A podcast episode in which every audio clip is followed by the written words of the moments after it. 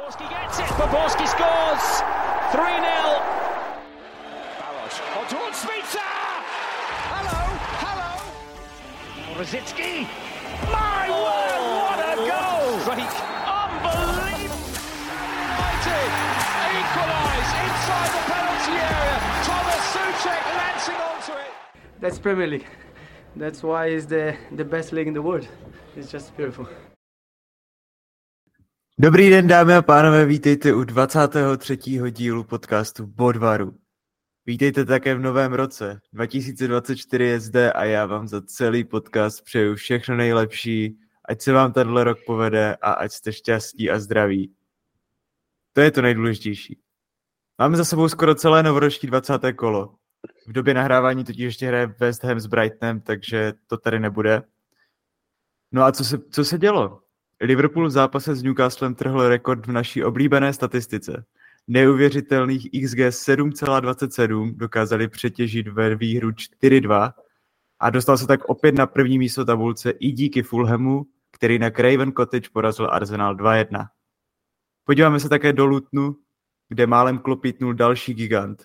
Chelsea měla co dělat, aby udržela vedení 0-3 a nakonec s odřenýma ušima uhráli výhru 2-3. Nebo také Manchester United, kteří po skvělé otočce v minulém kole nestačili na Nottingham. Nebudu tu dnes samozřejmě sám a přidá se ke mně klasická trojice, tedy Dave, čau. Čau. Mára, ahoj. Ahoj. A taky Gilly, ahoj Gilly.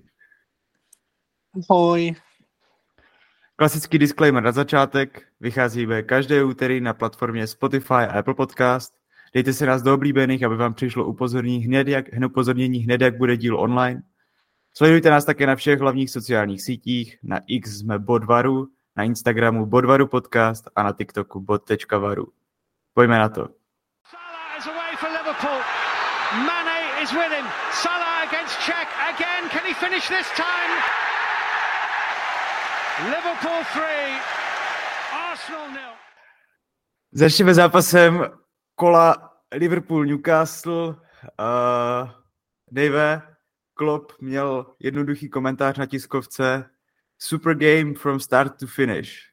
Uh, souhlasíš? No záleží, jak to pochopíš, tuhle frázi. Jako pro fanouška asi jo, ale z pohledu jeho hodnocení jako Liverpoolu určitě ne. Jako určitě jsme hráli výborně a všechno, jako byl to naprosto dominantní zápas. I přes tu aktuální špatnou formu Newcastle jsem nečekal, že to bude takhle dominantní. Vlastně mi to docela připomínalo ten West Ham v poháru, kde jsme vyhráli 5-1. A každopádně jako za poločas nazbírat XG 2,8 a nedat z toho ani jeden gol je prostě totálně trestuhodné a je to vlastně téma, které jsme řešili ve spojitosti s Liverpoolem tady v minulém díle, že buď mají problém se vytvářet šance, anebo když se je už vytváří, tak mají problém je proměňovat. Tady jako jasně, dali čtyři góly, ale, ale pořád uh, od spokojenosti pro mě je to teda daleko, uh, co se týče té produktivity a uh, myslím si, že sám Newcastle, který z 0,67 XG dokázal vyčarovat dva góly, uh, prostě ukazuje, uh, že tam je hodně, hodně prostoru pro zlepšení, minimálně v té produktivitě. No tak říkáš produktivitu a nejproduktivnější hráč odjíždí na Avkon, tak jak vlastně vidíš jako Liverpool bez Salaha na dalších pár kol a máš z toho nějaké jako obavy? No, vlastně uh, samozřejmě v, kontextu produktivity to je Salah, ale dalších, kdo odjíždí, je, uh, je Endo, uh, který se v posledních zápasech během zranění McAllistera stal hodně, hodně důležitou součástí naší sest- základní sestavy. Takže samozřejmě je to pro mě velká neznámá, je možné, že už bude úplně fit jako McAllister, snad to tak vypadá. Takže ten Endo nebude až takový problém, ale jako jo, uh, jako moc nevím, co od toho čekat. Uh, vrátil se Jota, který by mohl dost zalepit. No ale těžko říct, vlastně vůbec nevím, jak ta, jak ta sestava bude vypadat. Mm, nevím, jestli to vůbec Klopp ví. Mm, budeme mít před dalším kolem uh, ligovým, budeme mít dva pohárové zápasy. Jeden vlastně s Arsenalem, druhý s Fulhamem, uh, kde spíš aspoň s tím Fulhamem, ale prostě bude prostor to otestovat. A myslím si, že těch možností je strašně moc. Může na tom křídle hrát buď uh, spíš nějaký jako záložník, uh, vlastně by to vůbec nevadilo, uh, takže tam může hrát jako může, může tam hrát Soboslaj, nebo tam může hrát uh, Harvey Elliott, ale zároveň tam klidně může přes nohu oproti tradiční pozici hrát Jotu, Diaze, vlastně i Nuneze, Hakpas tam úplně nepředstavím, ale, ale, ale vlastně jako fakt vůbec nevím, co se s tím může stát. Ani by mě nepřekvapilo, když by tam hrál uh, Trent třeba. No to si pak říkám, že když by to vypadalo něco jako uh, Diaz, Nunez, Trent, tak kdo by tam pak dával góly? No, Nunez, eh, mimochodem další, další rekord, nebo nevím jestli rekord. Myslím, že to, myslím, že to byl rekord, že Nunez nazbíral 1,7 XG nebo něco takového a je to nejvíc Premier League, co se podařilo hráči nazbírat a nedat gola. Mě nepřekvapuje, že to je zrovna minimálně, minimálně tuhle sezonu, ale nevím, jestli to taky nebylo jakoby úplně. Takže jo, eh, trhali jsme rekordy. No. Ale zároveň bych neřekl, že měl jako špatný zápas úplně. A ta přihrávka tomu, toho Salaha na gol, to byla, to bych od něho třeba zrovna nečekal. Jo, já, já souhlasím a vlastně oproti tomu, jak normálně nezvládá ty šance, tak tady fakt si myslím, že je třeba říct, že uh, to XG hodně uh, nebyly to až tak špatné šance, ale prostě Dubravka fakt, fakt čaroval jako po tom rohu na té čáře, kde tam vychytal od z ta střela taky za mě byla dobrá z toho, z toho breaku a Dubravka to prostě dobře vychytalo. Nemyslím si, že by, že by až tak velký problém vlastně v tomhle konkrétním zápase byl na té straně produktivity, i když jsem to na začátku zhejtil. Mm-hmm. Souhlas, souhlas. Uh, kluci, co vy? Jaký máte vy komentář uh, k Liverpool, Newcastle, jestli nějaký máte? Jo, já jakože v té první větě, že Liverpool jako nějak hrozně underperformuje, co se týče proměňování šancí, tak v kontextu celé sezóny má před tímhle zápasem měl Liverpool XG 37,2 a dal z toho 39 gólů, takže actually overperformuje a měl eh, XG proti 22 a dostal 16 takže jsou celkem laky, to je první věc, co bych chtěl říct.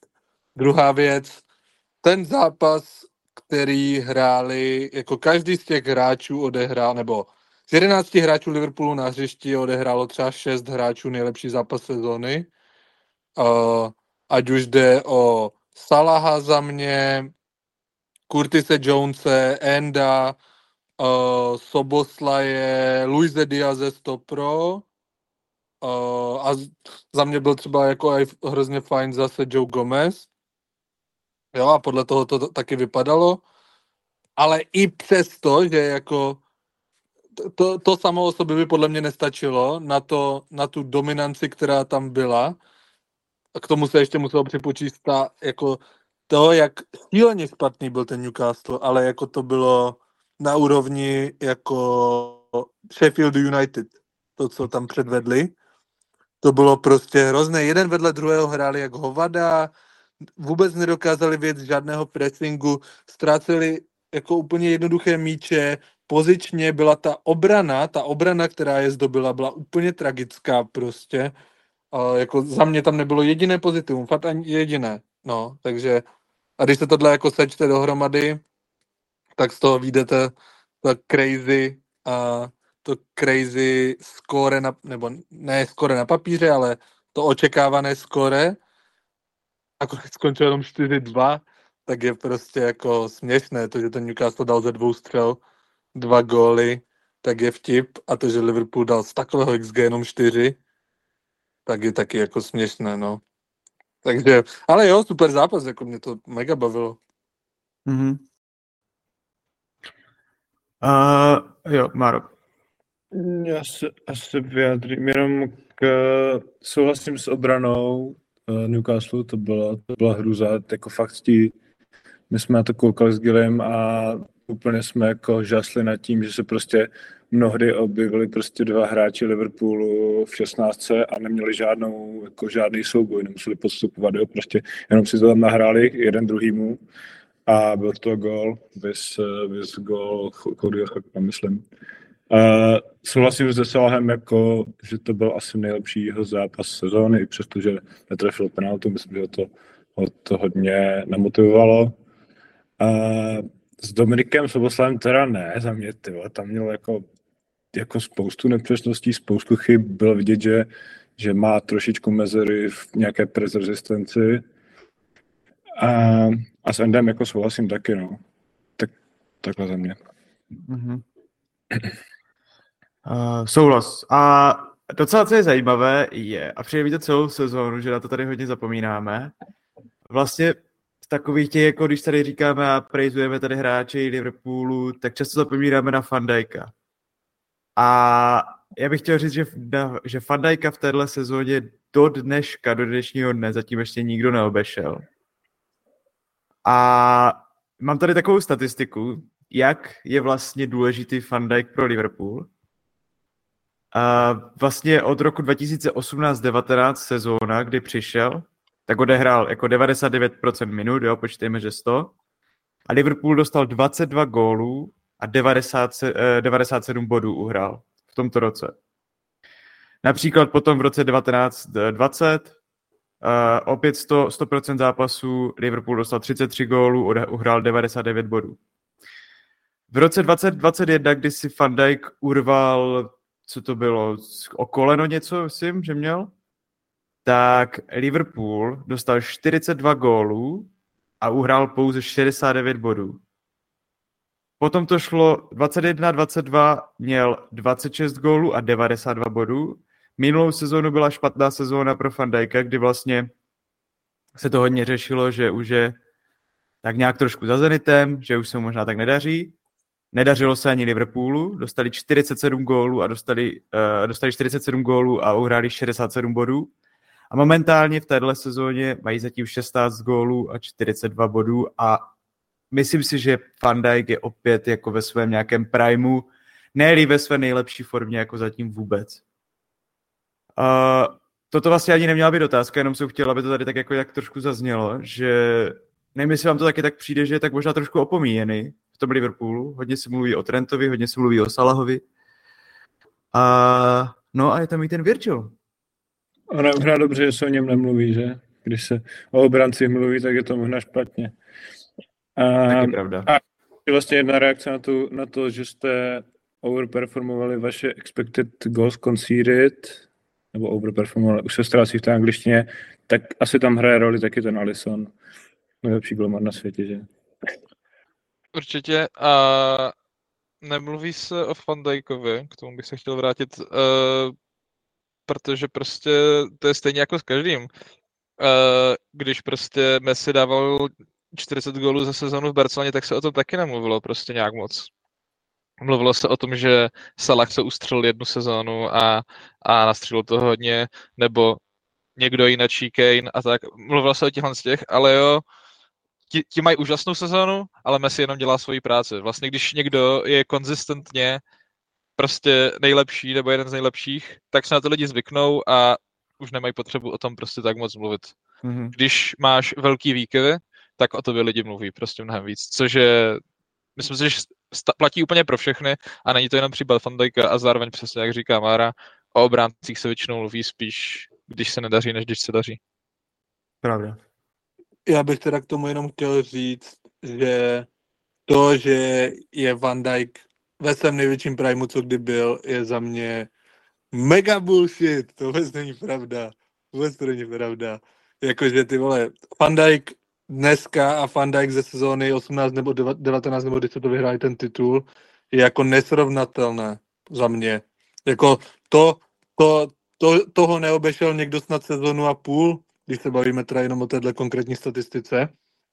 Plus teda na tom hřišti působil naprosto dominantně ve vzduchu, jako úplně skvěle na míči, je furt super, je furt jako jeden z top pěti nejlepších stoperů Premier League za mě, ale tehdy, tehdy byl, jako neexistovala debata, že Van Dijk je nejlepší stoper na světě, to vůbec jako, jo, to prostě všichni jasně, jo, to tak je. Dneska to tak za mě určitě není. Je, je super, jsem rád, že se vrátil, úplně jsem to nečekal, že se dokáže vrátit tak dobře, ale podle mě je to nesrovnatelné.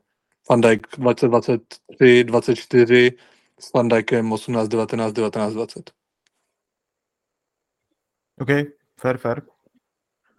Souhlas. A dal, další, o kom se hodně mluví a dneska jsem toho měl opět uh, plný Twitter, je Curtis Jones. A tentokrát ale jsem měl plný Twitter Curtise Jonesa od fanoušku Arsenálu, uh,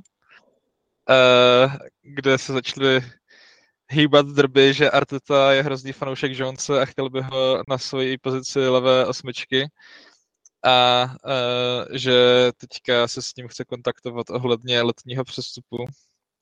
Tak to jsem je nechtěl zmínit, že představa je jako ten největší skauzer všech skauzerů ty vole v Liverpoolu, jako odchází z Liverpoolu do Arsenalu, podle mě jediné, co by to mohlo způsobit, je, že Klopp bude úplný magor a nebude ho hrát i přes tu formu, jakou teďka má. A tak jenom to jsem chtěl říct, že jako fanoušce Arsenalu, klídeček, nechte si, nechte si zdát. Povíme si, povíme si v létě, jako já bych ho nechtěl.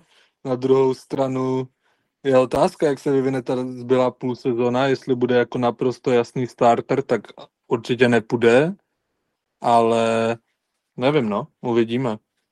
Jako furt tam je za ním spousta kvalitních štírků a nemyslím si, že jako má nějaké úplně nejjasnější místo na světě. Jo, teďka v téhle formě jo, ale tak tam mu nevydrží ještě zbytek sezóny.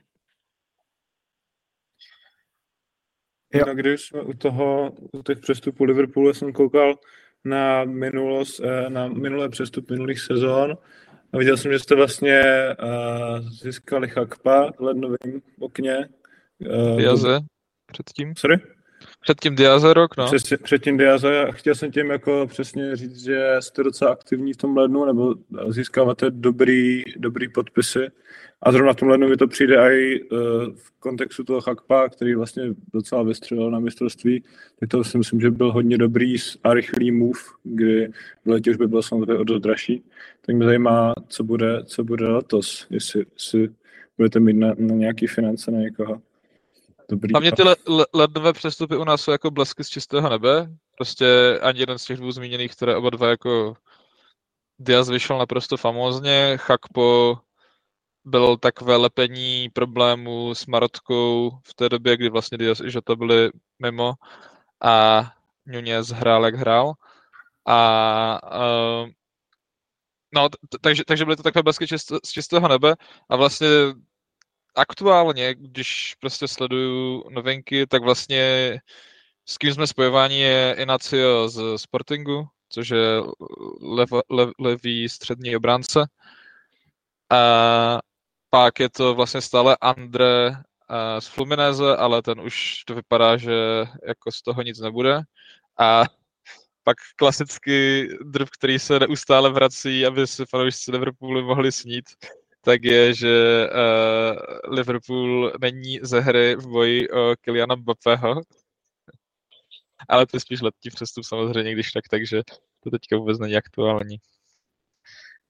Kylian Mbappé v Liverpoolu, to by byla show. To, to mě zajímalo. Uh, no, ještě něco? Ne? Ne, nejen, ale že jako fakt se nedokáže představit, kde by to byl. A uh, vlastně ani nemyslím si, že třeba klub má teďka už takovou potřebu vystužovat ten defenzivní střed zálohy, vzhledem k tomu, jak Endo hraje, vzhledem k tomu, že je spokojený podle mě s McAllisterem tam. A, takže já si myslím, že ten levý obránce, takže ideálně jako stoper, který umí hrát i levého obránce, uh, je to, co bych očekával, jestli má někdo přijít a vlastně v to docela doufám. Mm-hmm. Pojďme se ještě podívat na druhou stranu, na Newcastle. Čtvrtá prohra z pěti zápasů, třetí prohra v řadě, deváté místo a Manchester City další kolo. Uh, no co s nima? Nebo co je tam za problém? Je tam jako samozřejmě furt se řeší Marotka, furt je to Marotka a teda vlastně jako čekáte, myslíte si, že čeká jako how na, na to, až se mu uzdraví hráči a že se Newcastle potom, co už nebude mít takovou marotku, vrátí do boje o top 4? Jestli můžu. Tak jako, jasně Marotka, na druhou stranu, když se podíváš na, té, na tu základní sestavu, tak v tuhle chvíli z toho základu chybí Trippier a Pope. A to je vlastně všechno. Což je kdyby dva hráči ze základu chybí Arsenalu celou sezónu. A vůbec se o tom nebavíme, jako že by kvůli tomu měli být devátí. A jasně, Botman se teďka vrátil, Izák je prostě takový, jako že chvíli hraje, chvíli nehraje, ale... No a ještě, OK, ještě ten Tonali, takže tři. Ale tak to protože je dement a ne protože je zraněný. A, ale jako deváté místo, myslím, že jako začít čas se bavit jako o tom, že jestli to takhle půjde dál, tak já si myslím, že by ho neměli, ale že by se minimálně pod uh, Edim Howem mohla trochu začít kymácet židle, protože to ta jako ambice Newcastle jsou u, určitě někde jinde, zvlášť po minulé sezóně a pokud prostě takhle bude dál pokračovat, tak si myslím, že výmluvy jako brzy dojdou. Protože vytec s Nottinghamem, vytec takhle s Liverpoolem, vytec takhle s kýmkoliv. Vytec s Lutnem. Vytec s Lutnem, to jsou jako šílené výsledky. Jo. A no. Mm-hmm. Já si právě nemyslím, že jako u té Martky je problém tak velký to, že by jim chyběli hráči z základní sestavy, spíše problém to, že nemáš moc možnost rotovat. A to prostě fakt u týmu, který má ambice hrát vrch tabulky v Anglii, hraje skupinu smrti eh, v Lize mistrů a hraje oba poháry v anglické prostě je fakt jako náročný. Takže to si myslím, že je větší problém, než to, že by neměli hráči do základu. Každopádně cením Trpíra, že se na prvního prvního hodil Marot, udělal bych to úplně stejně. já, já, já bych se taky vyjádřil, teda podle mě jeden z důležitých důvodů je fakt, že oni fakt tak blbě prodrbali tu Champions League, vlastně jako od toho zápasu s AC Milánem, kdy, kdy nakonec prohráli, tak vyhráli jenom jednou s Fulhamem a pak všechno prohráli. Ještě vypadli vlastně z EFL Cupu. Ale, ale jako jinak nesouhlasím s, s jakýmkoliv, uh, jakoukoliv, jakýmkoliv chvěním židle pod Howem. To, to je týpek, který ten klub vede. To je prostě příkladný vedení klubu za poslední rok a věřím, že se to přeli hodně brzo zase solidní výsledky a jakmile budou mít prostě, jak říká Dave, hráče na levičce a prostě to, co z nich vytříská z té, z té, z té personaly, kterou tam měl, tak to nevím, kdo by zvládl, možná Emery. Hele, já neříkám, že by měl Hau jít, to jako vůbec ne. Na druhou stranu mají saudsko-arabský majitele, kteří, já říkám, že je šance, že týpkům prostě rupne v bedně, protože si budou myslet, OK, loni čtvrtí, tak letos přece druzí, nebo první, ne? A v momentě, kdy jako vypadl CFL Cupu, vypadl z Ligy mistrů, zbývá Liga FA Cup a tu sezónu by skončil třeba osmý, pak si fakt dokážu představit, že ti majitelé řeknou, no tak to ne. To jako vezmeme radši prostě někoho jiného. Ně, někoho, kdo jim fakt jako naslibuje hory doly, příští rok vyhraju titul. Dejte mi 300 míčů a Bapeho a já to vyhraju. A ještě pr- to je první věc. Druhá věc, jasně, um, nemá úplně všechny hráče jako do rotace uzdravené. Na druhou stranu včera třeba mohl, jako co se týče středu zálohy, tak mohl hrát uh, Longstaffa, uh, Gimareše a Jolintna, tak jak to většinou hrává. Místo toho hrál Mileyho. Miley hrál, i když je to hodný kluk a fajn, jako je mu 17, tak hrál strašně. Joelinton hrál na křídle ještě hůř. A jakože pak už to na konci dne není jenom o tom, jestli má nebo nemá hráče. On ty hráče má, ale je to jeho rozhodnutí třeba toho Joelintona hrát na křídle a Mileyho na CMku a dopadlo to tak, jak to dopadlo včera. Mm-hmm. Maro. Uh, My se tady bavíme o tom, že mají bohatý majitele, ale koukám na to, kolikátí jsou v net spend, to znamená to, kolik utratili minus to, kolik jako vydělali a jsou osmý uh, z Premier League, nad nimi Chelsea, Arsenal, United, mimochodem taky Burnley, takže to mi přijde, že jako pokud bych chtěl takové výsledky po Howovi, o, jakým se, o jakých se tady bavíme, tak by měly být tak by měli být daleko aktivnější na tom přestupovém trhu v létě. No. A myslím si, že jako s tím dělá, fakt s, tím, co dostal, dělá dobrý, dobrý věci. Nemluvě právě o Tonalim, který, který ten ještě snižuje. Jo, to, hele, souhlasím a já nemám psychologický profil tady těchto konkrétních majitelů, jenom to srovnávám s jinými a blízkovýchodními majiteli velkých fotbalových klubů, kteří mi nepřijdou zrovna jako trpěliví uh, boys, takže takhle to vnímám. Já bych řekl, že to je jako ten veřejný státní fond Saudské Arábie, kteří prostě mají network přes 500, milionů, 500 miliard liber. Uh, a já tady souhlasím s, Mar- s Markem. Podle mě ne, by se neměla jako žádným způsobem, uh, by nemělo být ohrožené jako místo Hawa. To si fakt nemyslím. Myslím si, že by to naopak měl být signál pro ty majitele, že prostě, hele, jako vstoupili jste do té game jako arabských majitelů fotbalových klubů a tam prostě se od vás něco očekává a jestli vy máte jako očekávání vysoké, no tak prostě jako vybalte prachy. A neříkám, že jako eh, by měli podepisovat prostě Neymary, Mbappé a takovýhle hráče, ale mně se líbí ten přístup, jaký oni udělali, že nešli po jménech, ale spíš po jako ne, ne, nešli po zvučných jménech a celebritách fotbalových, ale spíš po perspektivních mladých hráčích, kteří taky nebyli levní, ale prostě jako do toho dlouhodobého projektu, to se mi líbí.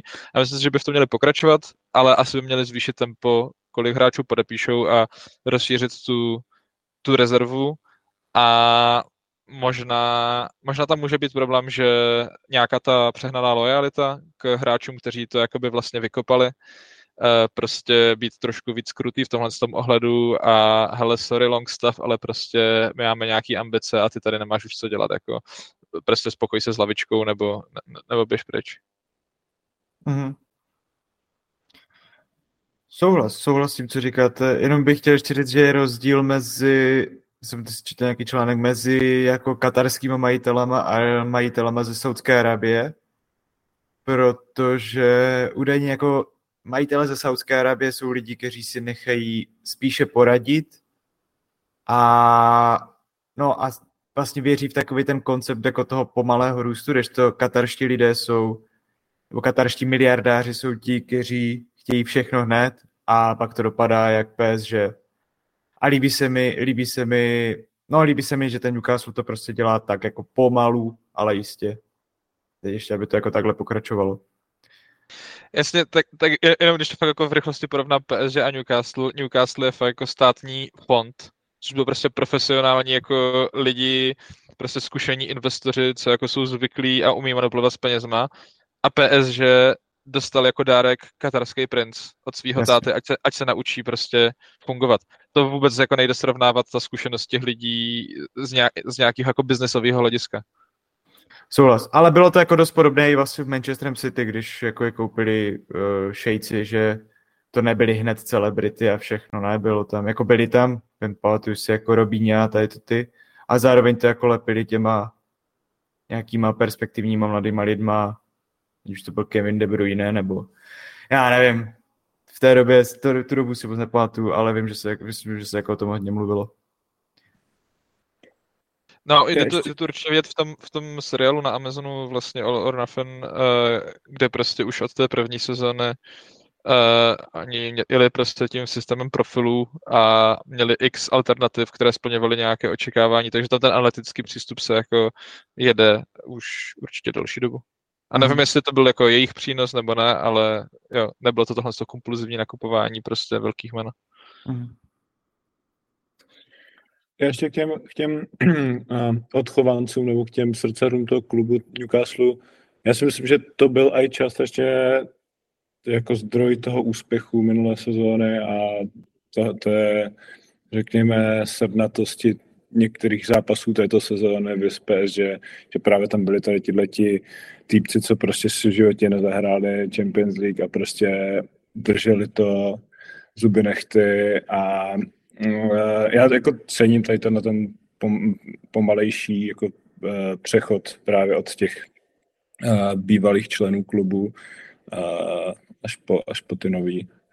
Takže, no, já jsem, že jsem srozumitelný, ale Mm-hmm. Jo, já, já chápu, jak to myslíš a já neříkám, ať prostě hnedka vymění ty lidi v základní sestavě, ale prostě když jak to dělá Guardiola. U něho většinou hráč po přestupu rok trvá, než se zabude do základní sestavy. I když je to prostě když který stal 100 mega, trvalo mu to rok, než se dostal do základní sestavy. Jediný Haaland prostě byla jako výjim, no jasně bylo těch výjimek víc, ale prostě ta největší, co se všichni pamatujeme, Haaland, který šel instantně do základní sestavy. A prostě, ať seš pak v situaci, kdy když máš zraněné hráče, tak ti prostě na lavičce nesedí Kraft, nesedí ti tam prostě Richie, nesedí tam Damet. Jo, to, hmm. to je prostě v prdeli, chápeš? Jo. Chápem, chápem. A je to vše k tomuhle zápasu? Posuneme se dále. And he's involved again. Sterling with time to get back to his feet and poke it in. Tak pojďme se podívat na Luton Chelsea. Uh, Luton, uh, pardon, Chelsea utekla takzvaně jako hrobníkovi z lopaty, kdy málem dokázala ztratit vedení 0-3 a jako já si osobně myslím, že ten Luton si tu remizu zasloužil. Chelsea byla lepším týmem, to určitě, ale co se tam jako za těch posledních minut jako stalo, kolik centrů proletělo malým vápnem, to bylo takových jako pět, šest dobrých centrů, které prostě nikdo nebyl schopný trefit. A nakonec teda jako Chelsea vyhrála 2-3. Uh, eh, já mám tady možná takovou jako otázku, samozřejmě můžeme se bavit o tom, že Palmer byl opět skvělý, jo, že Chelsea vlastně má mladý tým, který prostě nedokáže tady to ty jako vedení udržet, samozřejmě tady řešíme každé kolo. A já bych teďka jako šel chvilku k Lutnu a pobavil, pobavil se o Rosu Barkley. Ross Barkley se nějak zrodil z mrtvých, nebo já nevím. Uh, a teďka je jeden z nejlepších, ne nejlepší hráč Lutnu a má skvělou formu, táhne je, ale je mu 30 roků. Myslíte si, dokážete si ho představit, že by ještě se dokázal posunout do nějakého lepšího týmu, než je Luton?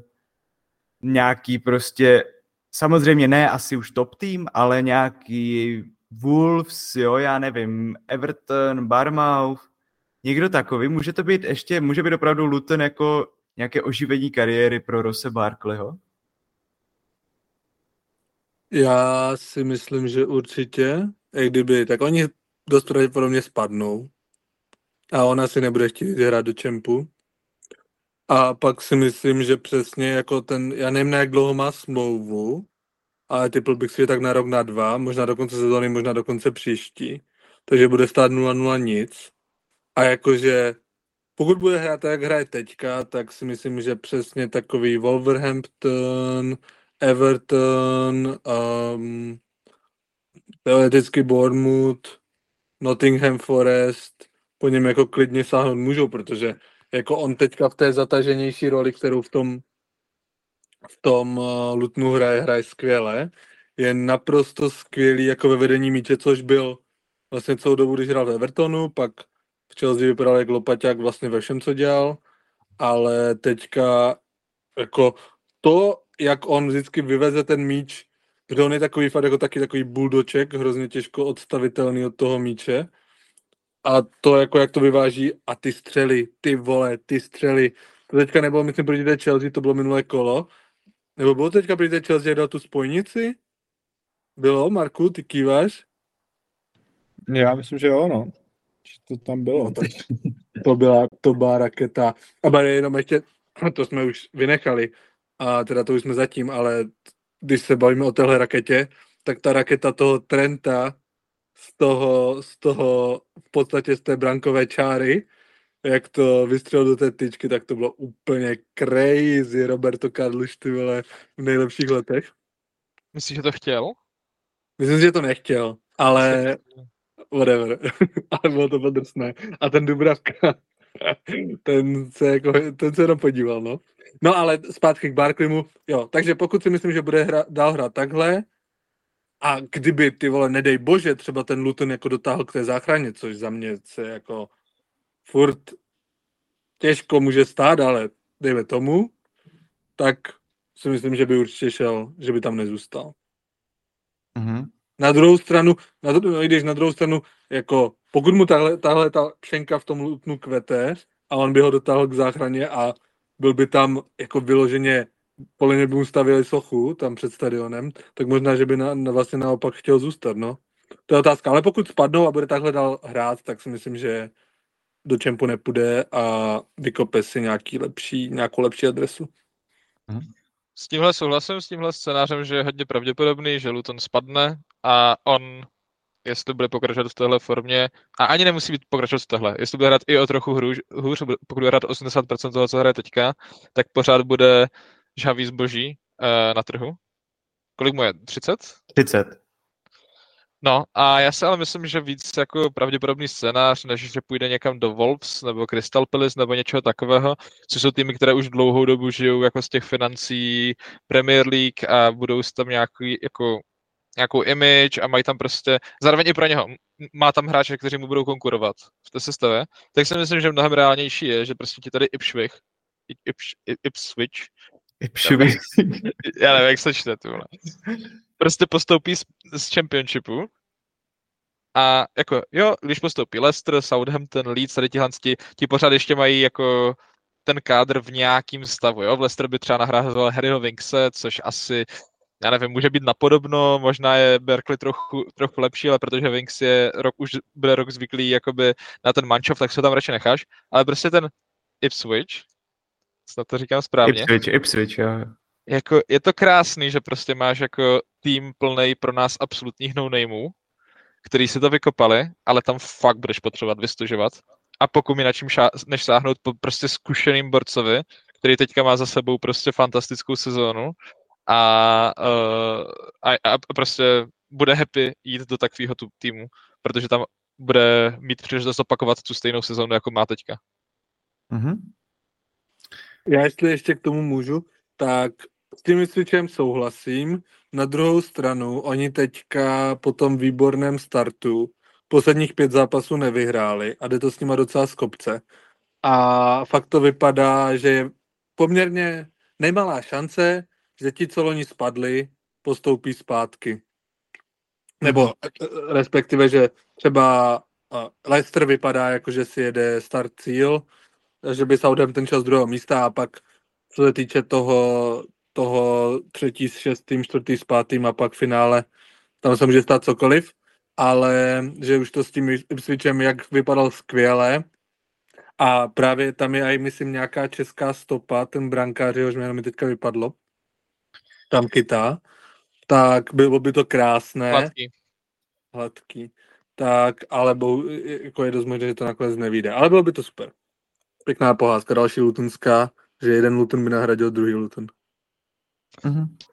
Jo, Yes. když nakousl tu českou stopu, jenom sorry v rychlosti, postřehli jste nové drby ohledně uh, nové české stopy potenciální do Neapole?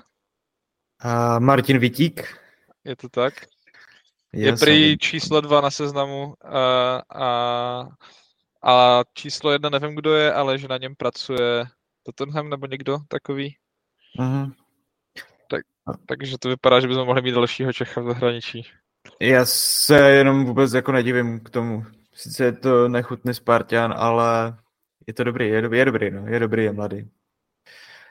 No, Máro, chtěl jsi ještě? Jo, já jsem chtěl ještě doplnit uh, další možnost pro Rose a, a sice třeba squad player do Brightonu. Co říkáte? Pascal Gross už vole po, pověsí kopačky na hřebík a prostě ta zkušenost by tam hrála roli. Mně by se líbilo i Brightonu. No. Takže prostě Milner 1-0 a Milner 2-0 v jednom týmu. Milner už bude, už bude vole, na odpušťák po sezóně. Mm, Já si nemyslím, že je tak technicky zdatný, aby dokázal zahrát jednu z těch Brighton, Brightonských šestek. A, a myslím si, že na to, aby hrál výš, tak zase už tak dobrý v pressingu není. Že jako, no, to se mi těžko představuje, že by vyšoupil třeba Billyho Gilm. Jako, jo, squad player, jo, ale určitě ne už hráč do základu v Brightonu. A myslím, že i kdyby tam šel jako třeba ze středky, takže jako není tak, tak dobrý na míči, nebo tak dobrý v přihrávkách, jako je potřeba od šestky v Brightonu. Hmm. Ne, že jenom u- Millera mě napadlo, že ten by mohl mít pak ve chvíli, kdyby už nechtěl být v Brightonu a Leeds, Leeds by mohl mít hvězdný comeback do, ke, ke kořenu. To by bylo hezké. To je to, kdy, do kdy ten bude hrát, se tož dědek. Ta- Tady v tomhle zápase to ještě bylo podtržené tím, že Malo Gusto hrál v podstatě celý první poločas jako playmaker z té pravé strany, jako ta jeho rychlost to bylo neuvěřitelné. On fakt jako tvořil hru do velké míry s Palmerem a, a v těch posledních minutách, kdy nastal ten největší tlak Lutonu, tak on tam prakticky nebyl. Jsem marně hledal na hřišti, jako Malo Gusto. Mhm. Že... Tak. Hele, uh, jako uh, děkuji za hezký oslý můstek. A Reece James jako jasně, eh, podle fanoušků Chelsea nejlepší pravý obrán, obránce na světě, chápu, ale vzhledem k tomu, jak moc se na něho můžeš spolehnout s tím, jestli bude nebo ne, a když se koukneš na to, jak jako fakt dobře ten Gusto hraje a jak důležitý je v té kreativitě toho týmu, já skoro si říkám, že jestli až James se vrátí z Marotky, jestli by prostě ten Gusto neměl zůstat jako v základu. Já jsem z toho kluka docela na větve, mně přijde fakt dobrý. Hmm. Mhm, Je- ano. Jo, souhlas. Mě, mě, mě tak já, tak my jsme se o tom bavili minule. Já vlastně fakt nevím, co, s- co s hráčem jako je James, který je fakt půlku sezóny zraněný konstantně a, a když chceš budovat nějaký kádr stabilní, tak eh, no, tak ten Gusto se mi taky jeví jako, jako zajímavá alternativa. Já si myslím, že James, eh, pokud hraje a jakože hraje třeba díl jak dva zápasy, tak je furt lepší jak Gusto. Ale je, jako přesně no, co říkáte, pokud prostě ty chceš hrát nějaký systém, stavět nějaký systém, mít nějakou základní sestavu, která má aspoň prostě devět hráčů furt stejných a jsou to ty osy týmu, abys věděl, jako co mají hrát a jak na sebe mají reagovat a jak na sebe mají vědět. No a Borec ti není schopný odehrát pomalu tři zápasy v řadě, tak pak je to těžké, no. Pak jako, pak jako věřím, že je dobrý tah i lepšího hráče s nějakou jako vidinou Gusta do budoucnosti prostě posadit a hrát tam ho, no. Uh, A vlastně k té čtyřce kádru tady, že Chelsea má naprosto opačný problém je jako Newcastle, mají prostě těch hráčů až strašně moc, jasně někteří jsou po hostování nebo tak a mají teď jako velkou marotku, ale těch jako hráčů s potenciálem tam je prostě víc než dost a to chci dát jako fakt respekt uh, Početinovi, že on si to točí jak chce. On prostě není, že by byl vystrašený z toho, jak ho lidi zdrebou. On si fakt staví na každý zápas stav, jakou, jakou chceš a vůbec nejde předpovídat, kdo bude hrát. Jako že teďka postaví jako do základu i Broju, i Jacksona a nepostaví Mudrika, který má za sebou prostě fantastické zápasy. Nepostaví Sterlinga, který měl uh, odpočinek přes Vánoce díky jeho žluté kartě. A Uh, takže bys čekal, že to je jeden z hlavních útočníků tuhle celou sezónu pro Chelsea, tak bys čekal, že odpočatý právě přes tu náročnou prosincovou fázi zrovna toho využije a dá ho tam jako 100% do základu, ale on ho nedá ani ze střídačky a můžeme spekulovat, jestli to bylo disciplinárně kvůli tomu, co předvedl v předchozím zápase, jak ne- nepřehrál Palmerovi, když šli tři na, tři na brankáře. Uh, cením to, no líbí se mi to, že i Enzo Fernandez prostě nemá jisté místo v základu ani Kajsedo. Věřím tomu, že, že to bylo disciplinární od Početína. A, ale myslím si, že už toto neudělá, že by jako dal Jacksona na levý kraj, protože to bylo strašné. Ten Borec tam byl hrál prostě 10 minut jako a pak už ho neviděl celý zápas. A no a stejně tak jako nechápu, že tam nedal toho Nkunka. Každopádně tam přišel v 60. minutě normálně a Borec měl asi jeden dotyk z bíče, když se to od nějakým způsobem odrazilo, když ho někdo náhodně trefil. Taky byl taky výborný. A, jo, tak to bychom měli Chelsea Luton. Překvapuje mě, jak tady jako panuje v našem podcastu silné přesvědčení, že Luton prostě spadne po tom, co byl schopný uhrát s Liverpoolem, Arsenálem, Newcastlem, teďka i Chelsea. Vlastně i s Manchesterem City to bylo jednom 0-1, 0-2, něco takového. Překvapujete mě, kluci. Já teda takhle přesvědčený nejsem. Já jim furt věřím. Uh, vše? Tak pojďme na Fulham Arsenal. And large, Erdegaard missing a, a sitter really, but just the one on target so far. Might that change now? It's Saka! It's 1-1! Kdy přichází tvoje chvíle? Já bych to přeskočil dneska, pojďme dál. Ty jsi měl z každého Silvestra. Ne, nech to být. Pojďme, Protože pojď. Arsenal prohrál 2-1. Uh, tak co se stalo? Uh, Arteta byl úplně opačného rázu než Klopp na tiskovce a ten tam jako prohlašoval, že to byl nejhorší výkon Arsenalu za sezónu. Tak, Byl, no. no. Byl, byl to podle mě suverénně nejhorší výkon Arsenalu za tuhle sezónu, protože jak kdyby Arsenal prohrál v téhle sezóně čtyři zápasy s tímhle, pokud dobře počítám. Jo, uh, Aston Villa, Newcastle, uh, West Ham a teď. V těch předchozích třech Arsenal většinou byl lepší, měl větší šance a jako kdyby byl fotbal spravedlivý, což nechcem, tak by pravděpodobně vyhrál nebo minimálně neprohrál. A tentokrát taky měl třeba větší XG a tak, ale já jsem, ani jsem vůbec jako neměl pocit, že by to, by, že by si vůbec jako zasloužili uhrát nějaký bod. Fakt ten fotbal byl strašný, byl pomalý, bylo to hrozné, a odpadávali ze soubojů, vůbec neměli žádnou chuť, bez jakékoliv myšlenky. Um, no a, a myslím, že celá ta šance toho Saky za stavu 2-1, kdy na malém vápně přestřel z voleje o 10 metrů, tak, um, tak jako pěkně se sumírovala celý ten výkon. Um, no, jakože nebyl tam jediný hráč, který by, který by zahrál dobře. Bylo tam spoustu hráčů, kteří zahráli vyloženě špatně. A jo, jako já jsem se u toho zase navstekal, měl jsem prostě, nebo mám pocit, že mělo tam být třeba víc odpískaných faulů, víc žlutých karet pro Fulham, ale to jako nic na, té, na tom výsledku nemění, prostě. To Nezači, bylo- nezačínej zas, prosím tě, nezačínej. Nešek, nešek, říkám, jako tady si fakt Arsenal podle mě za- nezasloužil vyhrát a pravděpodobně si zasloužil prohrát, no. Nebyla možná trošku chyba od Artety nehrát Jesuse a hrát Ketiaha? Chápu rotaci, ale přece jenom Jesus měl teďka docela formu a potřebuješ vyhrávat.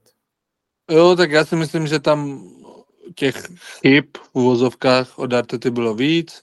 Ta první, teda v momentě, kdy je zdravý Tomiasu, tak nehrát Tomiasa. To je první věc. V momentě, kdy je zdravý Jesus, tak přesně rotovat jenom proto, aby jako někdo nebyl smutný, že jako teďka čtyři zápasy za sebou seděl. V momentě, kdy Jesus, uh, Jesus je nejlepší hráč v tom útoku teďka v sou- v současné chvíli, v nejlepší formě, tak nechat hrát Ketiaha 95 minut a zvlášť po třeba Mitrou měl jako minulý zápas proti tomu West Hamu docela fajn cameo, za těch 20 minut nedostal ani jednu minutu, tak jako být ním jsem fakt, fakt hodně naštvaný a fakt si jako rozmyslím, jestli v tom Arsenalu ještě zůstanu, proto, no a já jsem z toho byl třeba jako mega dopálený, že ten Smith Rowe prostě nehrál a toho Nketiaha tam nechá celou dobu a vystřídá to, vystřídá Haverce v momentě, kdy mi začne mladovat centry do šestnáctky, tak vystřídá Haverce. Jakože what? What, what, what, no. Takže myslím si, že jako jasně Arteta byl správně naštvaný na hráče, na druhou stranu si myslím, že mohl trochu posypat popely na svoji hlavu, protože ten zápas úplně nezvlád. A přitom ten, to, ten Fulham nebyl jako nějak dobrý, prostě oni nehráli nic zajímavého, hráli tvrdě, vysoko presovali, jako jo, mnohem lepší, než jsem od nich čekal, ale Uh-huh. ni, ničím extra nepřekvapili a my jsme se z toho prostě nedokázali dostat. Uh-huh. Takže dvou zápasů s Fulhamem tuhle sezónu má Arsenal jeden bod, což je prostě zoufalství. Ty vole. Dave, doufám, že si pamatuješ na svoji větu minulý podcast, že pohádka jménem Fulham skončila.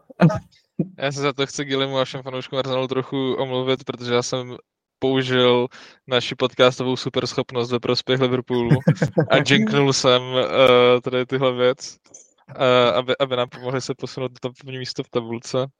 A jinak k té sestavě vlastně měl jsem úplně stejné připomínky. Vlastně jediný, s kým jsem byl v pohodě, tady byl Havertz, protože jsem očekával, že to ládování do 16 bude jako už od začátku, takže mi dávalo smysl tady hrát Havertze. Proti tomu jsem nic moc neměl. Jak to jsem jako taky nechápal a vlastně uh, Gilly, ty si třeba říkal, že si nemyslíš, že Tony je o moc lepší než Ketiach a mě se Tony líbil jako ta možnost pro Arsenal jako hráč, který to vezme na sebe a rozhodne zápas, tak třeba, třeba to tak viděl i Arteta a jestli vidí taky Nketiaha, že to je tenhle typ hráče, tak už byl frustrovaný z toho, jak nejste schopní vlastně jako zápasovou převahu nebo herní převahu pře, přetvořit na góly, tak třeba to bylo, co čekal od Nketiaha, když si nemyslel, že mu to Jesus dokáže dát. A třeba jsem třeba fakt nechápal je jako ten Kivior, protože já jsem čekal, že třeba bude hrát Kiviora proti Liverpoolu, protože budeš chtít jako targetovat toho Salaha. A pak v takovémhle zápase, kdy očekáváš, jako úplně nevím, jestli prostě, nevím, jako se bál i Vobyho nebo de Gortova Rida, že prostě mu tam bude pravou stranu jako znásilňovat. To si, úplně si nemyslím, že prostě potřebuješ tam být jako takhle defenzivně laděného obránce a takže si myslím, že tady Zinčenko by byl úplně v pohodě a naopak právě by hodně pomohl dopředu tomu týmu. Mm-hmm. Tak Zinčenko nebyl k dispozici, a to je důležité podotknout a jako on v, On se nepohlídal toho Chimeneze u toho prvního golu, což OK, nečekám od toho Kiviora, že bude dobrý v build-upu, což velmi ukázal, že není, kdy jako on, když invertuje, tak um, to vypadá jako vtipně až skoro.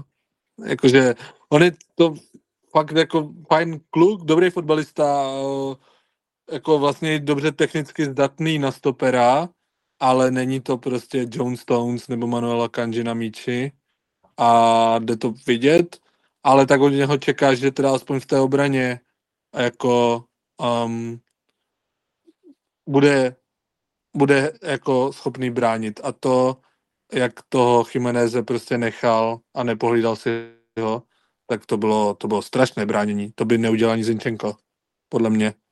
A no a to, k tomu Ketiahovi, takhle zase já mám pocit, že on je jako hrozně jednoduchý obětní beránek a že pětkrát v tomhle podcastu se na něho tady pěla chvála, jaký je vlastně všem ukázal, že to je nadprůměrný útočník a pětkrát se na něho čtila síra. Jeho výkony jsou jako nevyrovnané, tentokrát hrál fakt špatně, ale furt si myslím, že je to jako velmi, velmi kvalitní útočník, který by v podstatě v osmi pre- klubech Premier League mo- hrál jako uh, strikera číslo jedna a dobrý backup jako odchovanec. Mm-hmm. Souhlas. Uh, posledním možná tomu ještě, vlastně to tady řešili, já jsem zapomněl, Timber se, by se měl vracet už teďka někdy jako v blízké budoucnosti, ne? Ty čím dřív, tím líp jako ho čekám na kluka, jak na smilování, ale jo, měl by teďka už uh, začíná pomalinku trénovat a snad pokud se to, oni to nechcou uspěchat prý, ale na konci února, na začátku března by mohl být dispozici. Tak to je ještě, ještě docela dost času. No, tak Arsenal, Fulham, Fulham Arsenal. Uh, Arsenal teďka si zopakuje zápas s Liverpoolem v, v FA Cupu a pak má doma Crystal Palace. Já jenom jestli můžu, tak to není, nebo je to furt k tomu zápasu, ale je fakt úplně drsné a potom, po tom výsledku, který jsem viděl, uh, který, který dopadl s tím Arsenálem, tak fakt jako když jsem pak šel na ten, uh, na ten Twitter, tak jsem tolikrát jako četl, že Arteta out, že mi to přišlo jako neuvěřitelné, jak jsou ti debilci rozmosaní jako nevděční, jako ti, kteří ještě tři roky zpátky prostě, jak se potácejí na osmém místě, Arteta nás ty vole loni jako mám dovedl k titulu a teďka se mu nepovedou tři zápasy a jako kluci volají Arteta ven, tak to mi přijde prostě neuvěřitelné, neuvěřitelné.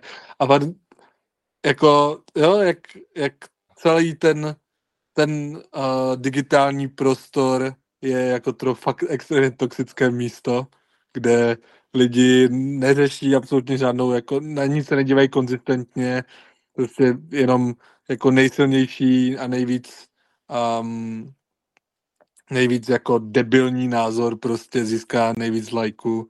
Nikdy mě to nepřestane překvapovat a úplně jsem z toho musel, musel jsem se vyzvracet na Silvestra a odejít z toho. Dobroš. Uh, máte teda ještě nějaký zápas, o kterém byste se chtěli bavit obšírněji? Já ne tak úplně zápas, ale spíš tým.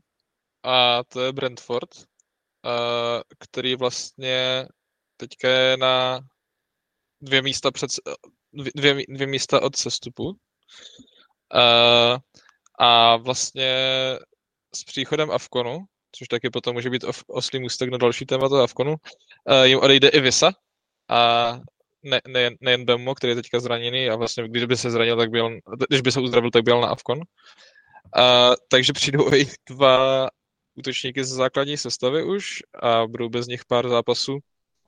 A teď mají za sebou pět proher v řadě a jako neledetých je to s Brightonem, který nebyl v té době úplně v dobré formě, s Sheffieldem, s Aston Villou, s Wolves a s Crystal Palace, což jako za mě tohle pro tým jako Brentford je sedm bodů minimálně, ten, tenhle ten program. A jsem jako zvědavý, že jo, furt je na stole asi možnost, že Tony, když se vrátí, tak zůstane v Brentfordu. Spíš to asi není realistické, ale je to reálné. A vlast, vlastně jako, jak jsme se bavili, nebo jak si ty říkal, Patras, že nevěříme Lutonu, jako to je fajn, že oni hrajou dobře, ale někdo spadnout musí prostě. Jako musí se hmm. prostě najít v téhle ze tři týmy, který spadnou. A jako bude to Everton, Brenton, Nottingham, Crystal Palace, Fulham, Bournemouth. To jsou jako reálně jediné týmy, které by mohly být, možná ještě Wolves, jo, ve hře hmm. o sestup, ale jako z těch, co jsem vyjmenoval, Crystal Palace, Nottingham, Brentford, jední, který si tam reálně dokáže představit v, tý, v, tom, boj, v tom boji o sestup? Jo. Uh, no souhlas, je to letos takové vlastně, že nevíš, kdo, uh, není tam nikdo, kdo by měl vyhrát tu, není tam nikdo, kdo by měl spadnout, kromě teda Sheffieldu. Myslím si, že Sheffield je jako mm. jistotka na spadnutí a pokud by ty týmy pokračovaly v té formě, jakou mají, tak si myslím, že i ten Brentford. Každopádně věřím, že se zvednou, že to je nějaké, nějaká chvilková slabost. A není to prostě, není, nejsou tam ty týmy, které jako by si řekl, jo, ty jsi tak špatný, že ty bys měl prostě spadnout. No a no, bude to jako zajímavé. Každopádně já si fakt myslím, že ten Brentford je jako nějaký chvilkový výpadek, a prostě nějaký problém, že nemají teďka, nemají Beuma, a teďka budou muset nějakým způsobem přečkat ten Avkon, ale věřím jim do takové míry, že prostě věřím tomu Frankovi, že jako jim, že jim prostě dá nějakou pauzu, že nějak změní taktiku, že prostě třeba budou hrát jako fotbal stylu Shona Dajše, nebo já nevím, nějaký prostě šílený beton, ale dokážou se z toho zvednout, ale věřím tomu, že potřebují prostě dvě, tři výhry, dva, tři dobré výkony, aby byli zase zpátky a taky potřebují Beuma a pravděpodobně teda Tonyho, jestli zůstane. A mě by vlastně zajímalo, to jsme možná mohli zmínit minulo, minulý, minulý díl, protože jsme byli přesně v půlce sezóny a tak nevadí, že to je jeden díl později. Jak vy zatím jako po půlce sezóny, kdy vlastně už každý hrál s každým, eh, kromě City, kteří mají odložený zápas s Brentfordem a vlastně Bournemouth a s Lutonem, no, jako nedohraný. S Lutonem nedohraný, přesně tak. Uh, tak jak, jak to vlastně vidíte, jak to hodnotíte a koho teďka vidíte jako nějaké favority, ať už na titul, nebo vlastně celkově na tu první čtyřku na evropské poháry a tak, protože jasně teďka to vypadá nějak, ale teďka nás čeká Afkon a ten azijský pohár, kdy Liverpool, který je první, utrpí největší hit a Tottenham utrpí taky velký hit a pak bych řekl, že asi West Ham s Kudusem, ale hmm. tam to asi není až takový problém. A, tak já začnu v rychlosti. A, no, myslím si, že Avkon s tím zamává hodně. A jak dlouho, jenom jak dlouho to bude trvat? To je čtyři týdny? Tři týdny? Něco takového? Je to od půlky ledna do půlky února s tím, že leden vlastně jsou jenom dvě kola Premier League. Mm-hmm. A takže myslím, že tam je, že stoprocentně mysnou dva až tři zápasy a potenciálně čtyři až pět, něco takového. Jo. Uh, no, jako furt si myslím, nebo top čtyřka je za mě aktuálně City, Arsenal, Liverpool a jako nevím vlastně, koho bych tam dal asi čtvrtého. Nemyslím si, že to ta Aston Villa udrží. Uh, možná třeba ten Tottenham, když se jim vrátí Madison a, a nějakým způsobem se zbrchají. Bojeme ten čtvrtý spot bude dlouho jako otevřený a bude to zajímavé sledovat. Na titul v momentální formě a jak to sleduju a jak to vidím, mi přijde největší adept City s Liverpoolem a pravděpodobně i jako Liverpool. Samozřejmě City hraje zase bez Haalanda, takže to je taky faktor. No, ty dva týmy jsou teďka podle mě jako nejvíc adeptí na titul a na sestup. Ještě k tomu titulu taky samozřejmě bude jako záležet do kdo prostě bude mít menší marotku a tak, ale za tu půlku sezóny si myslím, že jsou dva týmy, dva týmy. A na sestup uh, Sheffield Burnley a furt si myslím, že to bude ten Everton.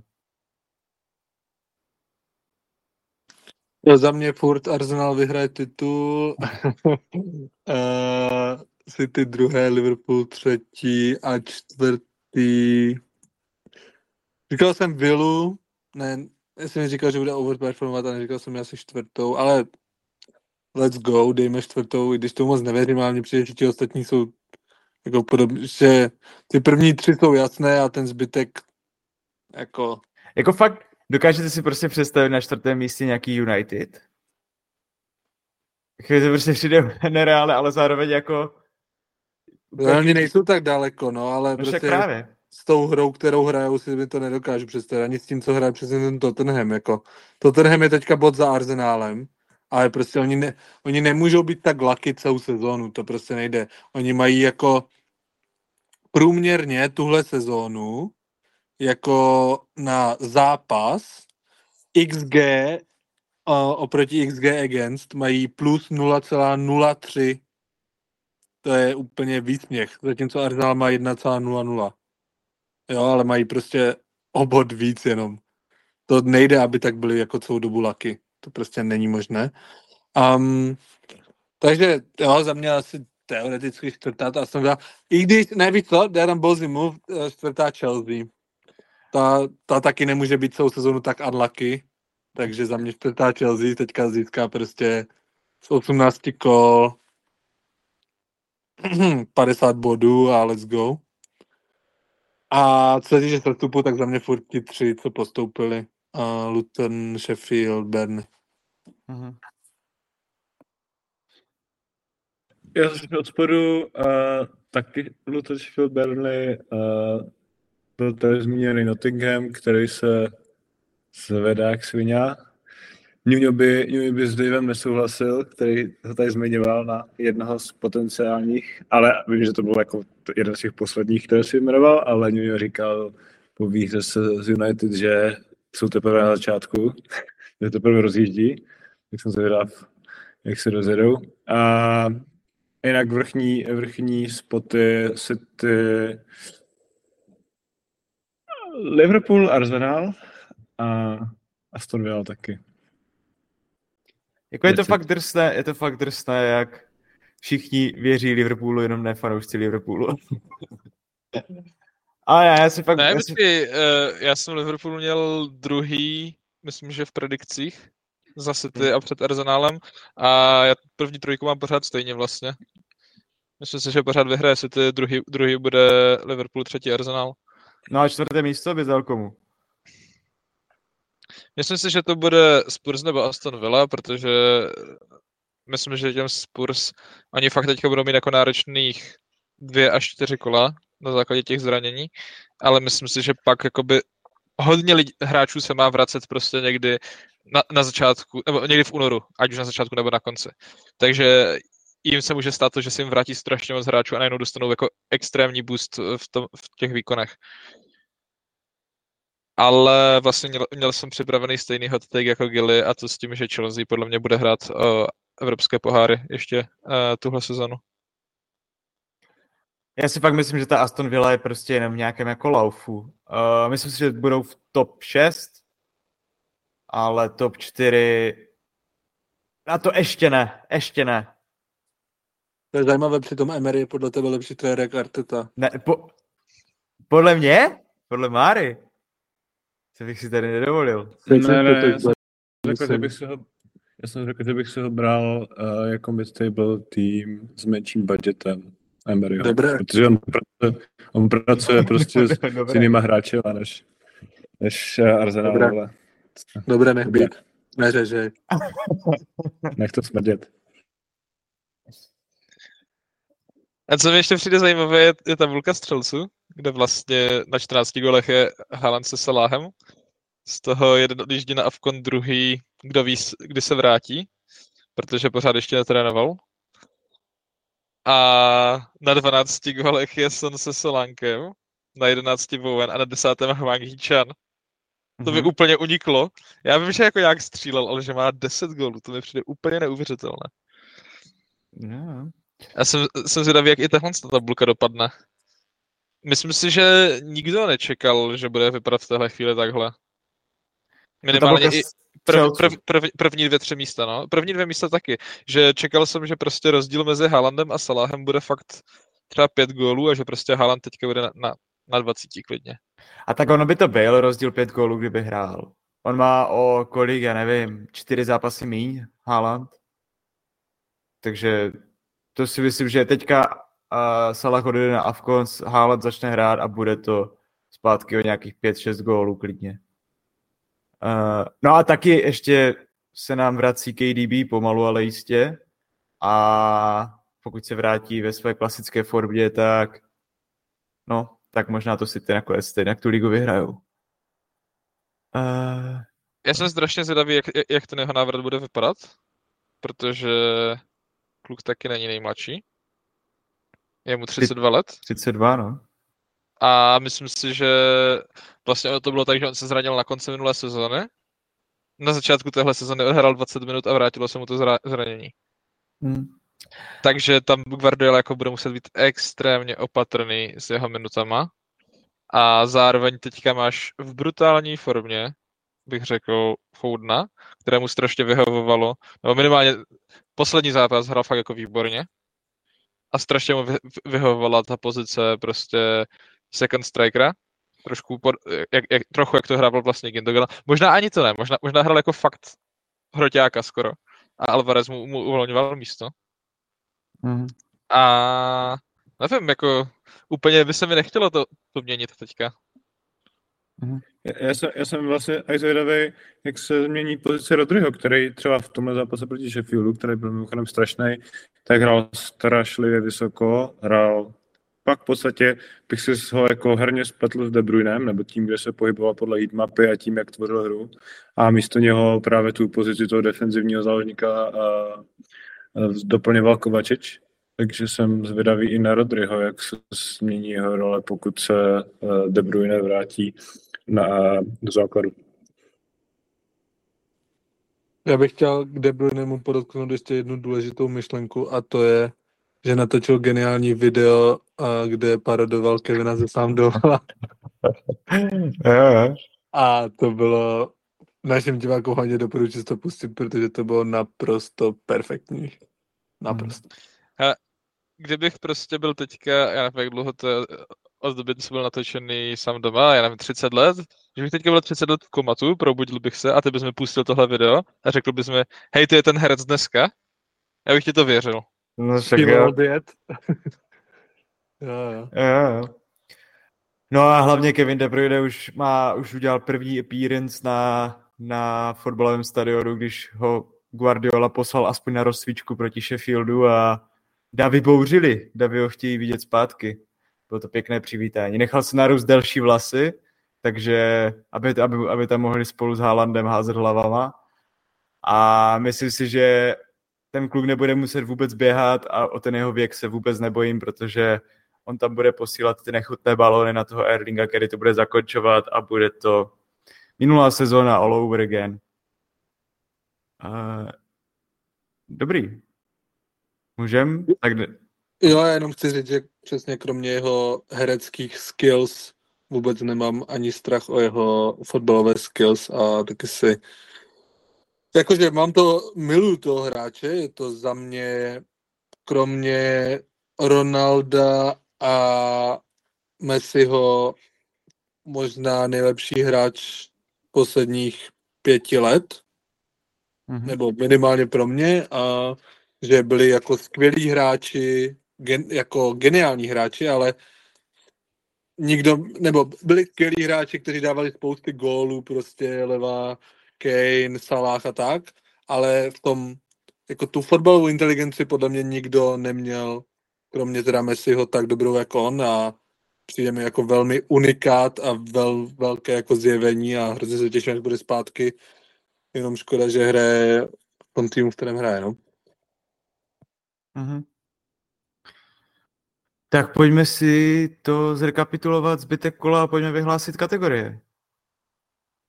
Kdybych, kdybych zase něco, tak mě stopněte. Wolves porazili doma Everton 3-0, poměrně vysoké, vysoké číslo na pevnou obranu Evertonu.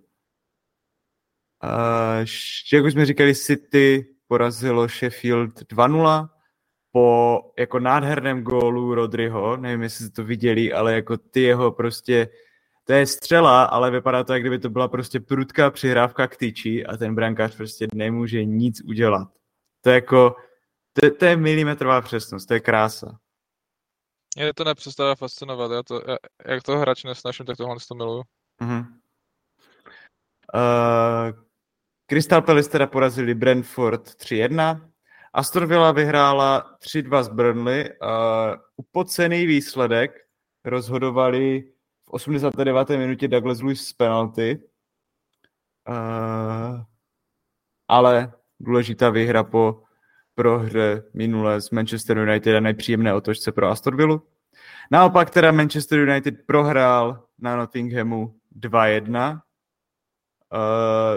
zase jsme tady u toho, no, konzistence, konzistence je klíč a Manchester United to teda neví, protože jejich posledních pět výsledků pět zápasů je prohra, remíza, prohra, výhra, prohra. Takhle to kluci moc nepůjde. Tottenham porazil doma Barmouth 3-1. Po... Opět dával gola Richarlison, Son a Pape Sar, kterému, by the way, prodloužili kontrakt. Nevím, jestli to viděli. Takže Pape Sar bude Ježiš, já doufám, že vysvětlil vůbec dobře to jeho jméno a snad uh, nadále hráčem Tottenhamu. No a jak tady mluvíme, tak se nám hraje ještě zápas s West Brighton, je teďka poločas a je to 0-0. Jak vidíte tenhle zápas, když už máme teďka jenom poločas do konce, a neviděli jste vlastně ani minutu, tak kdo podle vás je spíš lepší na druhé poločasy? Myslíte si, že to takzvaně West Ham ubrání na 1-0? Hey, já jsem, já jsem uh, pár kol zpátky koukal na uh, statistiky West Hamu v prvních 20 minutách po druhém poločase a oni mají nejvíc inkasovaných gólů, jakože David Moyes je uh, asi není dobrý motivátor v kabině. Hmm. Takže uvidíme, ale jinak jsem věřil Hamu před tím zápasem. Mm-hmm. Já myslím, že moje naváže na jeho masterclass a přidá tam další 2-0. Takzvaně betonová masterclass. Dobré, tak to by bylo 20. kolo a pojďme do nejprestižnější kategorii týdne.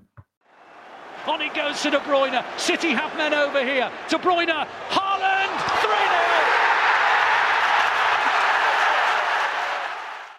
Takže top, flop a bodvaru.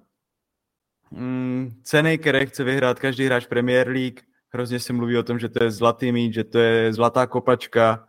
Ve skutečnosti je to top týdne pro, o, od podcastu Bodvaru. Takže kdo za vás získal top tenhle týden? Gilly?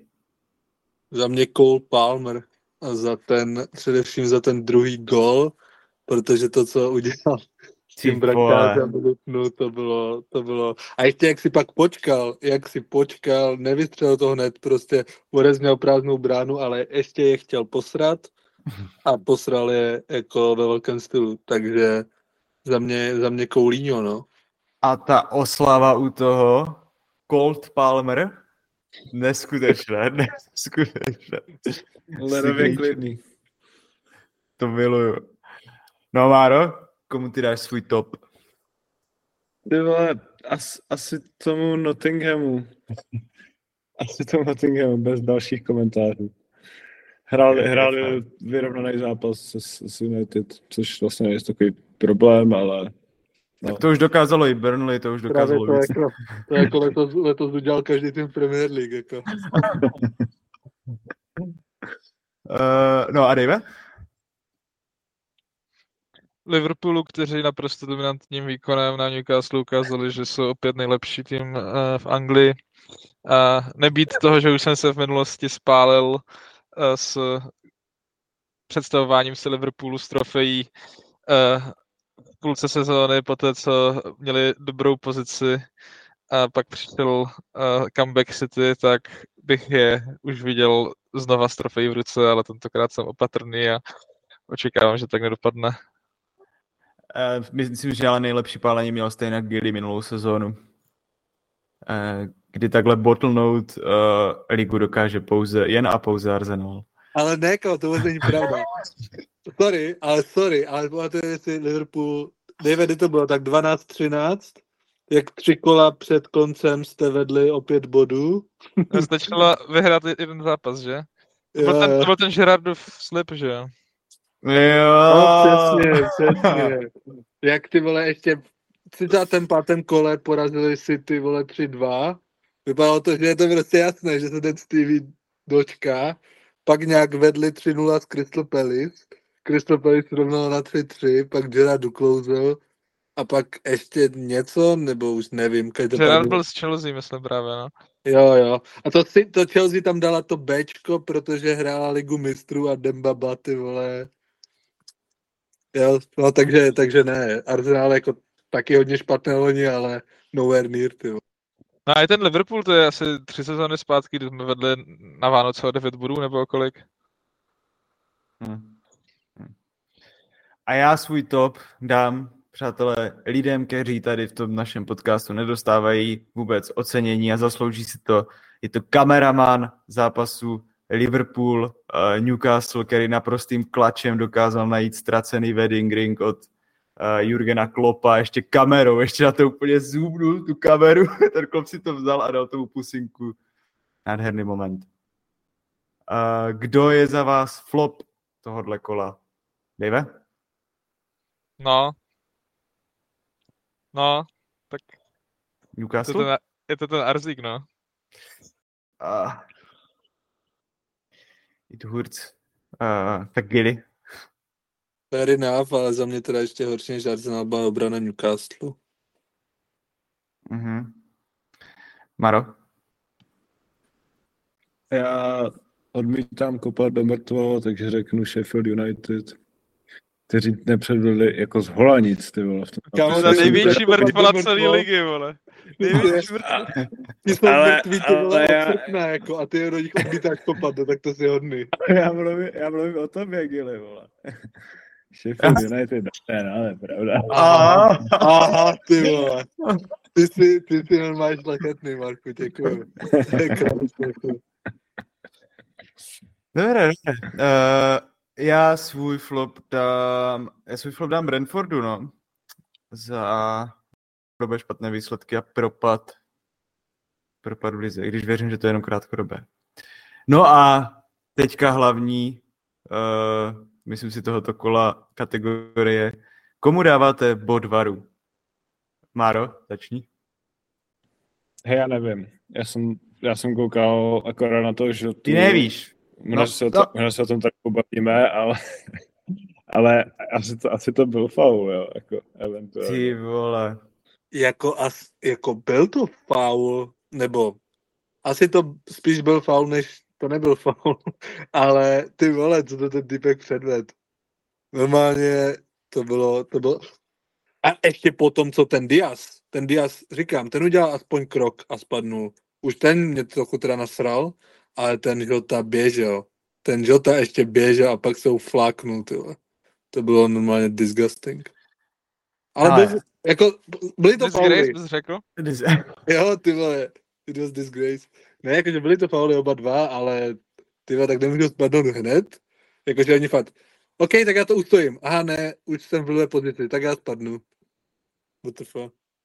Uh, já jenom k tomu rychle. Uh, minule jsme tady řešili v zápasu West Ham Arsenal. Za mě nebyl faul Tomáš Souček na Gabriela Jesuse, za mě nebyl faul Ogbona na Saku a kontextu tady do toho všeho nowhere near nebyl za mě faul Dubravka na, uh, na Žotu.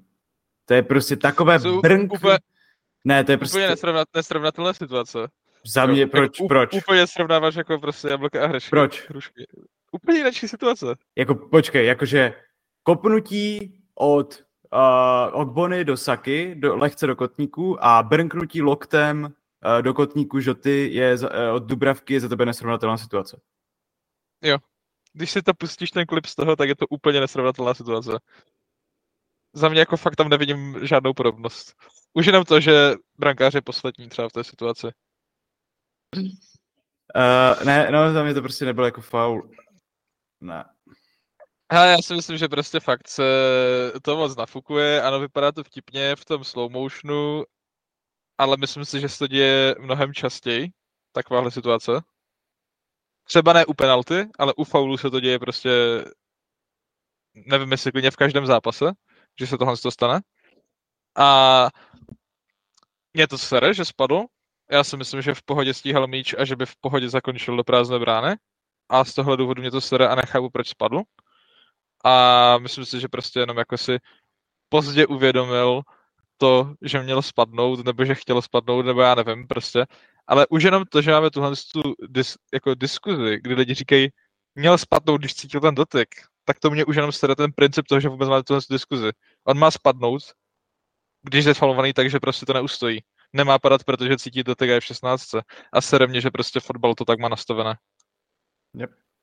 Ne, jakože samozřejmě ideální možnost nespadne. Druhá nejlepší možnost spadne, teda když je sfaulovaný. A absolutně třetí, vole, nejvíc fucking crazy shit možnost je brkne do mě, běžím tři metry a pak jsou flaknu rypákem, vole, do šestnáctky. A, to je první věc. A druhá věc, jasně, neříkám, že se to stalo poprvé, ale neviděl jsem zápas, kde by se to stalo dvakrát. Já neříkám, že ty situace byly úplně stejné, ale byly minimálně podobné a jako jasně ten, ten Diaz má prostě štěstí, že ten Jota předvedl ještě něco mnohem horšího, ale ani ten Diaz jako fakt nebyl úplně jako no, úplně v pohodě za mě. Byl to faul. Ten Diaz byl jako mnohem větší faul a nerozmýšlel to tak dlouho, ale taky si to prostě chvilku rozmýšlel a až když si uvěd, nebo samozřejmě on nad tím nějak jako dlouho nepřemýšlel, je to okamžik, ale jako najednou, když byl v horší pozici, tak prostě sebou fláknul. Jo, a za, za mě jako se u toho určitě by nemělo řešit, jestli to měla být penalta nebo ne, protože obojí podle mě byla prostě jasná penalta. Ve chvíli to bylo písknuté na hřišti. Když by Žota nebyl písknutý na hřišti, tak si myslím, že by to nebyla penalta. A u si myslím, že i kdyby to nepískl na hřišti, tak by, tak by to potom VAR da, udělal z toho penalty ale uh, spíš se u toho řeší to, že ano, to působí jako komediálně. A ten Diaz, jako tam je to, jako chápu tvůj point, ale nemyslím si, že když by se, já si právě naopak myslím, že když by se stal jenom ten Diaz a nestal by se ten Jota, tak by si to, toho vlastně nikdo moc nevšiml a řešilo by se to, ale teďka spíš právě to lidi vytuhují, protože byly dvě podobné situace. Ale myslím Marku, si, že tam... řekni, že jsem si toho všiml. Marku, řekni. Šimon si toho všiml. Díky. Šimon je prostě solty a potřebuje najít jakýkoliv důvod, proč píčovat na ostatní, prostě, protože Arsenal hrozně hraje tušku, tak prostě potřebuje mít aspoň nějakou radost z toho fotbalu. Skvělý, to je, to je rajská hudba. No, bylo ještě něco, byl ještě nějaký jiný bodvaru, který byste vypíchli z, z tohoto kola? No já, já tohle jako bodvaru určitě nemám, ale ten bodvaru zůstává ve stejném zápase. A to je, jak je možné, že zase dohrál Newcastle v 11. prostě to nechápu. A třeba ten Joelinton tam měl taky prostě už prostě letět stejně jako v tom posledním zápase. Mm. Souhlas.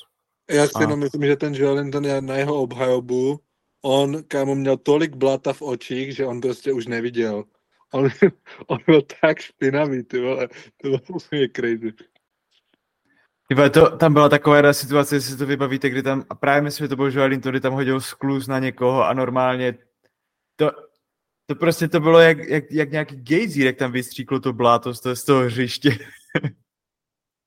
a Dan, Dan Burn taky nedohrál ten zápas úplně čistý. Uh, OK, tak to by bylo vše. Uh, máte ještě něco zajímavého ze světa fotbalu, co se děje? Viděli jste kauzu, kauzičku Coufal. Coufal dostal uplatněnou opci na prodloužení smlouvy a není spokojený se svým platem. Chtěl by buď větší plat nebo odchod z, z West Hamu. Neviděli jste kauzičku, tak mrkněte na Infotbal a to je tak jako asi jediná. Ka- kam se myslí, jako, že by šel, když by, když by šel jinam? Tak jako kvalitou si myslím, že tak třeba ten Arsenal teďka nemá moc dobré ty kraje obrán. Já myslím, že by se popral s tím doutem v Lutonu a místo. Excuse me, ty vole, odsud pocu, že? Ne, Manchester United potřebovali trošku vystušit obranu. Chelsea. Coufal za 100 milionů do Chelsea. Pojď mi. Uh, nevím, nevím, kam bych chtěl jít ale to je, tak toto je jediné, co mě napadá.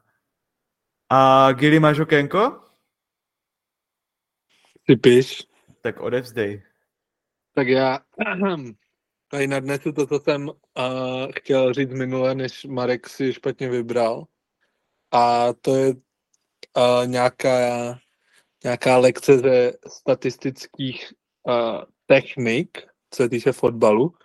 My tady hodně omíláme jako expected goals, což je v současnosti pravděpodobně už podle mě jako hodně zaběhnuté i v té běžné populaci a všichni tak jako ví, o co, co celá jde. My jsme si to pár dílů zpátky, tak pár, znamená 15, vysvětlovali a myslím, že je čas pokročit dále. A totiž minimálně za mě jako expected goals jako velmi dobře řeší přesně, jako dávají představu o tom, jak ten zápas třeba vypadal v momentě, kdy ten tým vystřelil. Ale ten tým občas, oba, nebo jakýkoliv tým, má občas jako balon třeba ve velmi dobré pozici a typicky v 16, ale třeba uh, místo toho, aby ten konkrétní hráč, který má zrovna míč, střílel, tak ho ještě nahrává. Ta nahrávka se třeba nepovede, a, a takže expected goals je 0,00, protože nedošlo ke střele, a, ale přitom to byla poměrně jako velká šance ke skórování, ale to už se jako nepromítne do toho statistického modelu. No a proto existuje taková jako pokročilejší statistika, která nám dává lepší představu přesně o tom, jako jaké, uh, která se jmenuje jako expected threat, um, která nám dává jako představu o tom, jaké jako nebezpečí, jak ten tým byl nebezpečný nejenom v té střelbě, ale celkově v tom zápase. Jak se ta statistika měří? Jde o to, že se vlastně celé hřiště rozdělí na obrovské množství jako malých čtverečků a každému tomu čtverečku se na základě jako uh, historických, uh, historických událostí, zhlednutí historických zápasů, přičte určitá, um, určité jako nebezpečí, expected threat, nebo, um, nebo hrozba.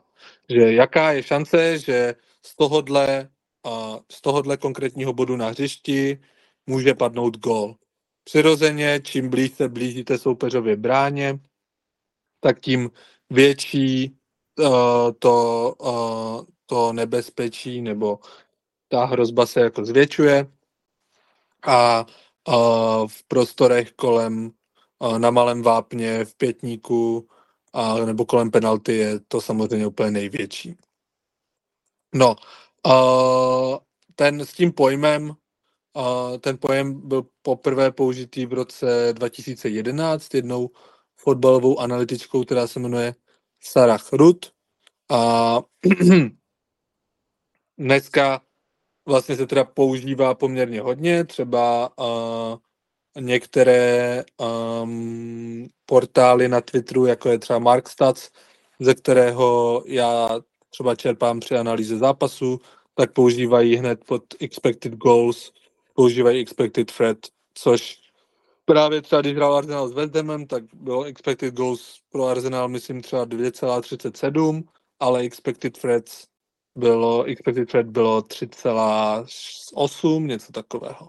Takže ten, podle téhle statistiky ten Arsenal byl vlastně ještě dominantnější než podle té expected goals a to teda ještě signifikantnější bylo to, že z toho nedokázali dát ani jeden gol.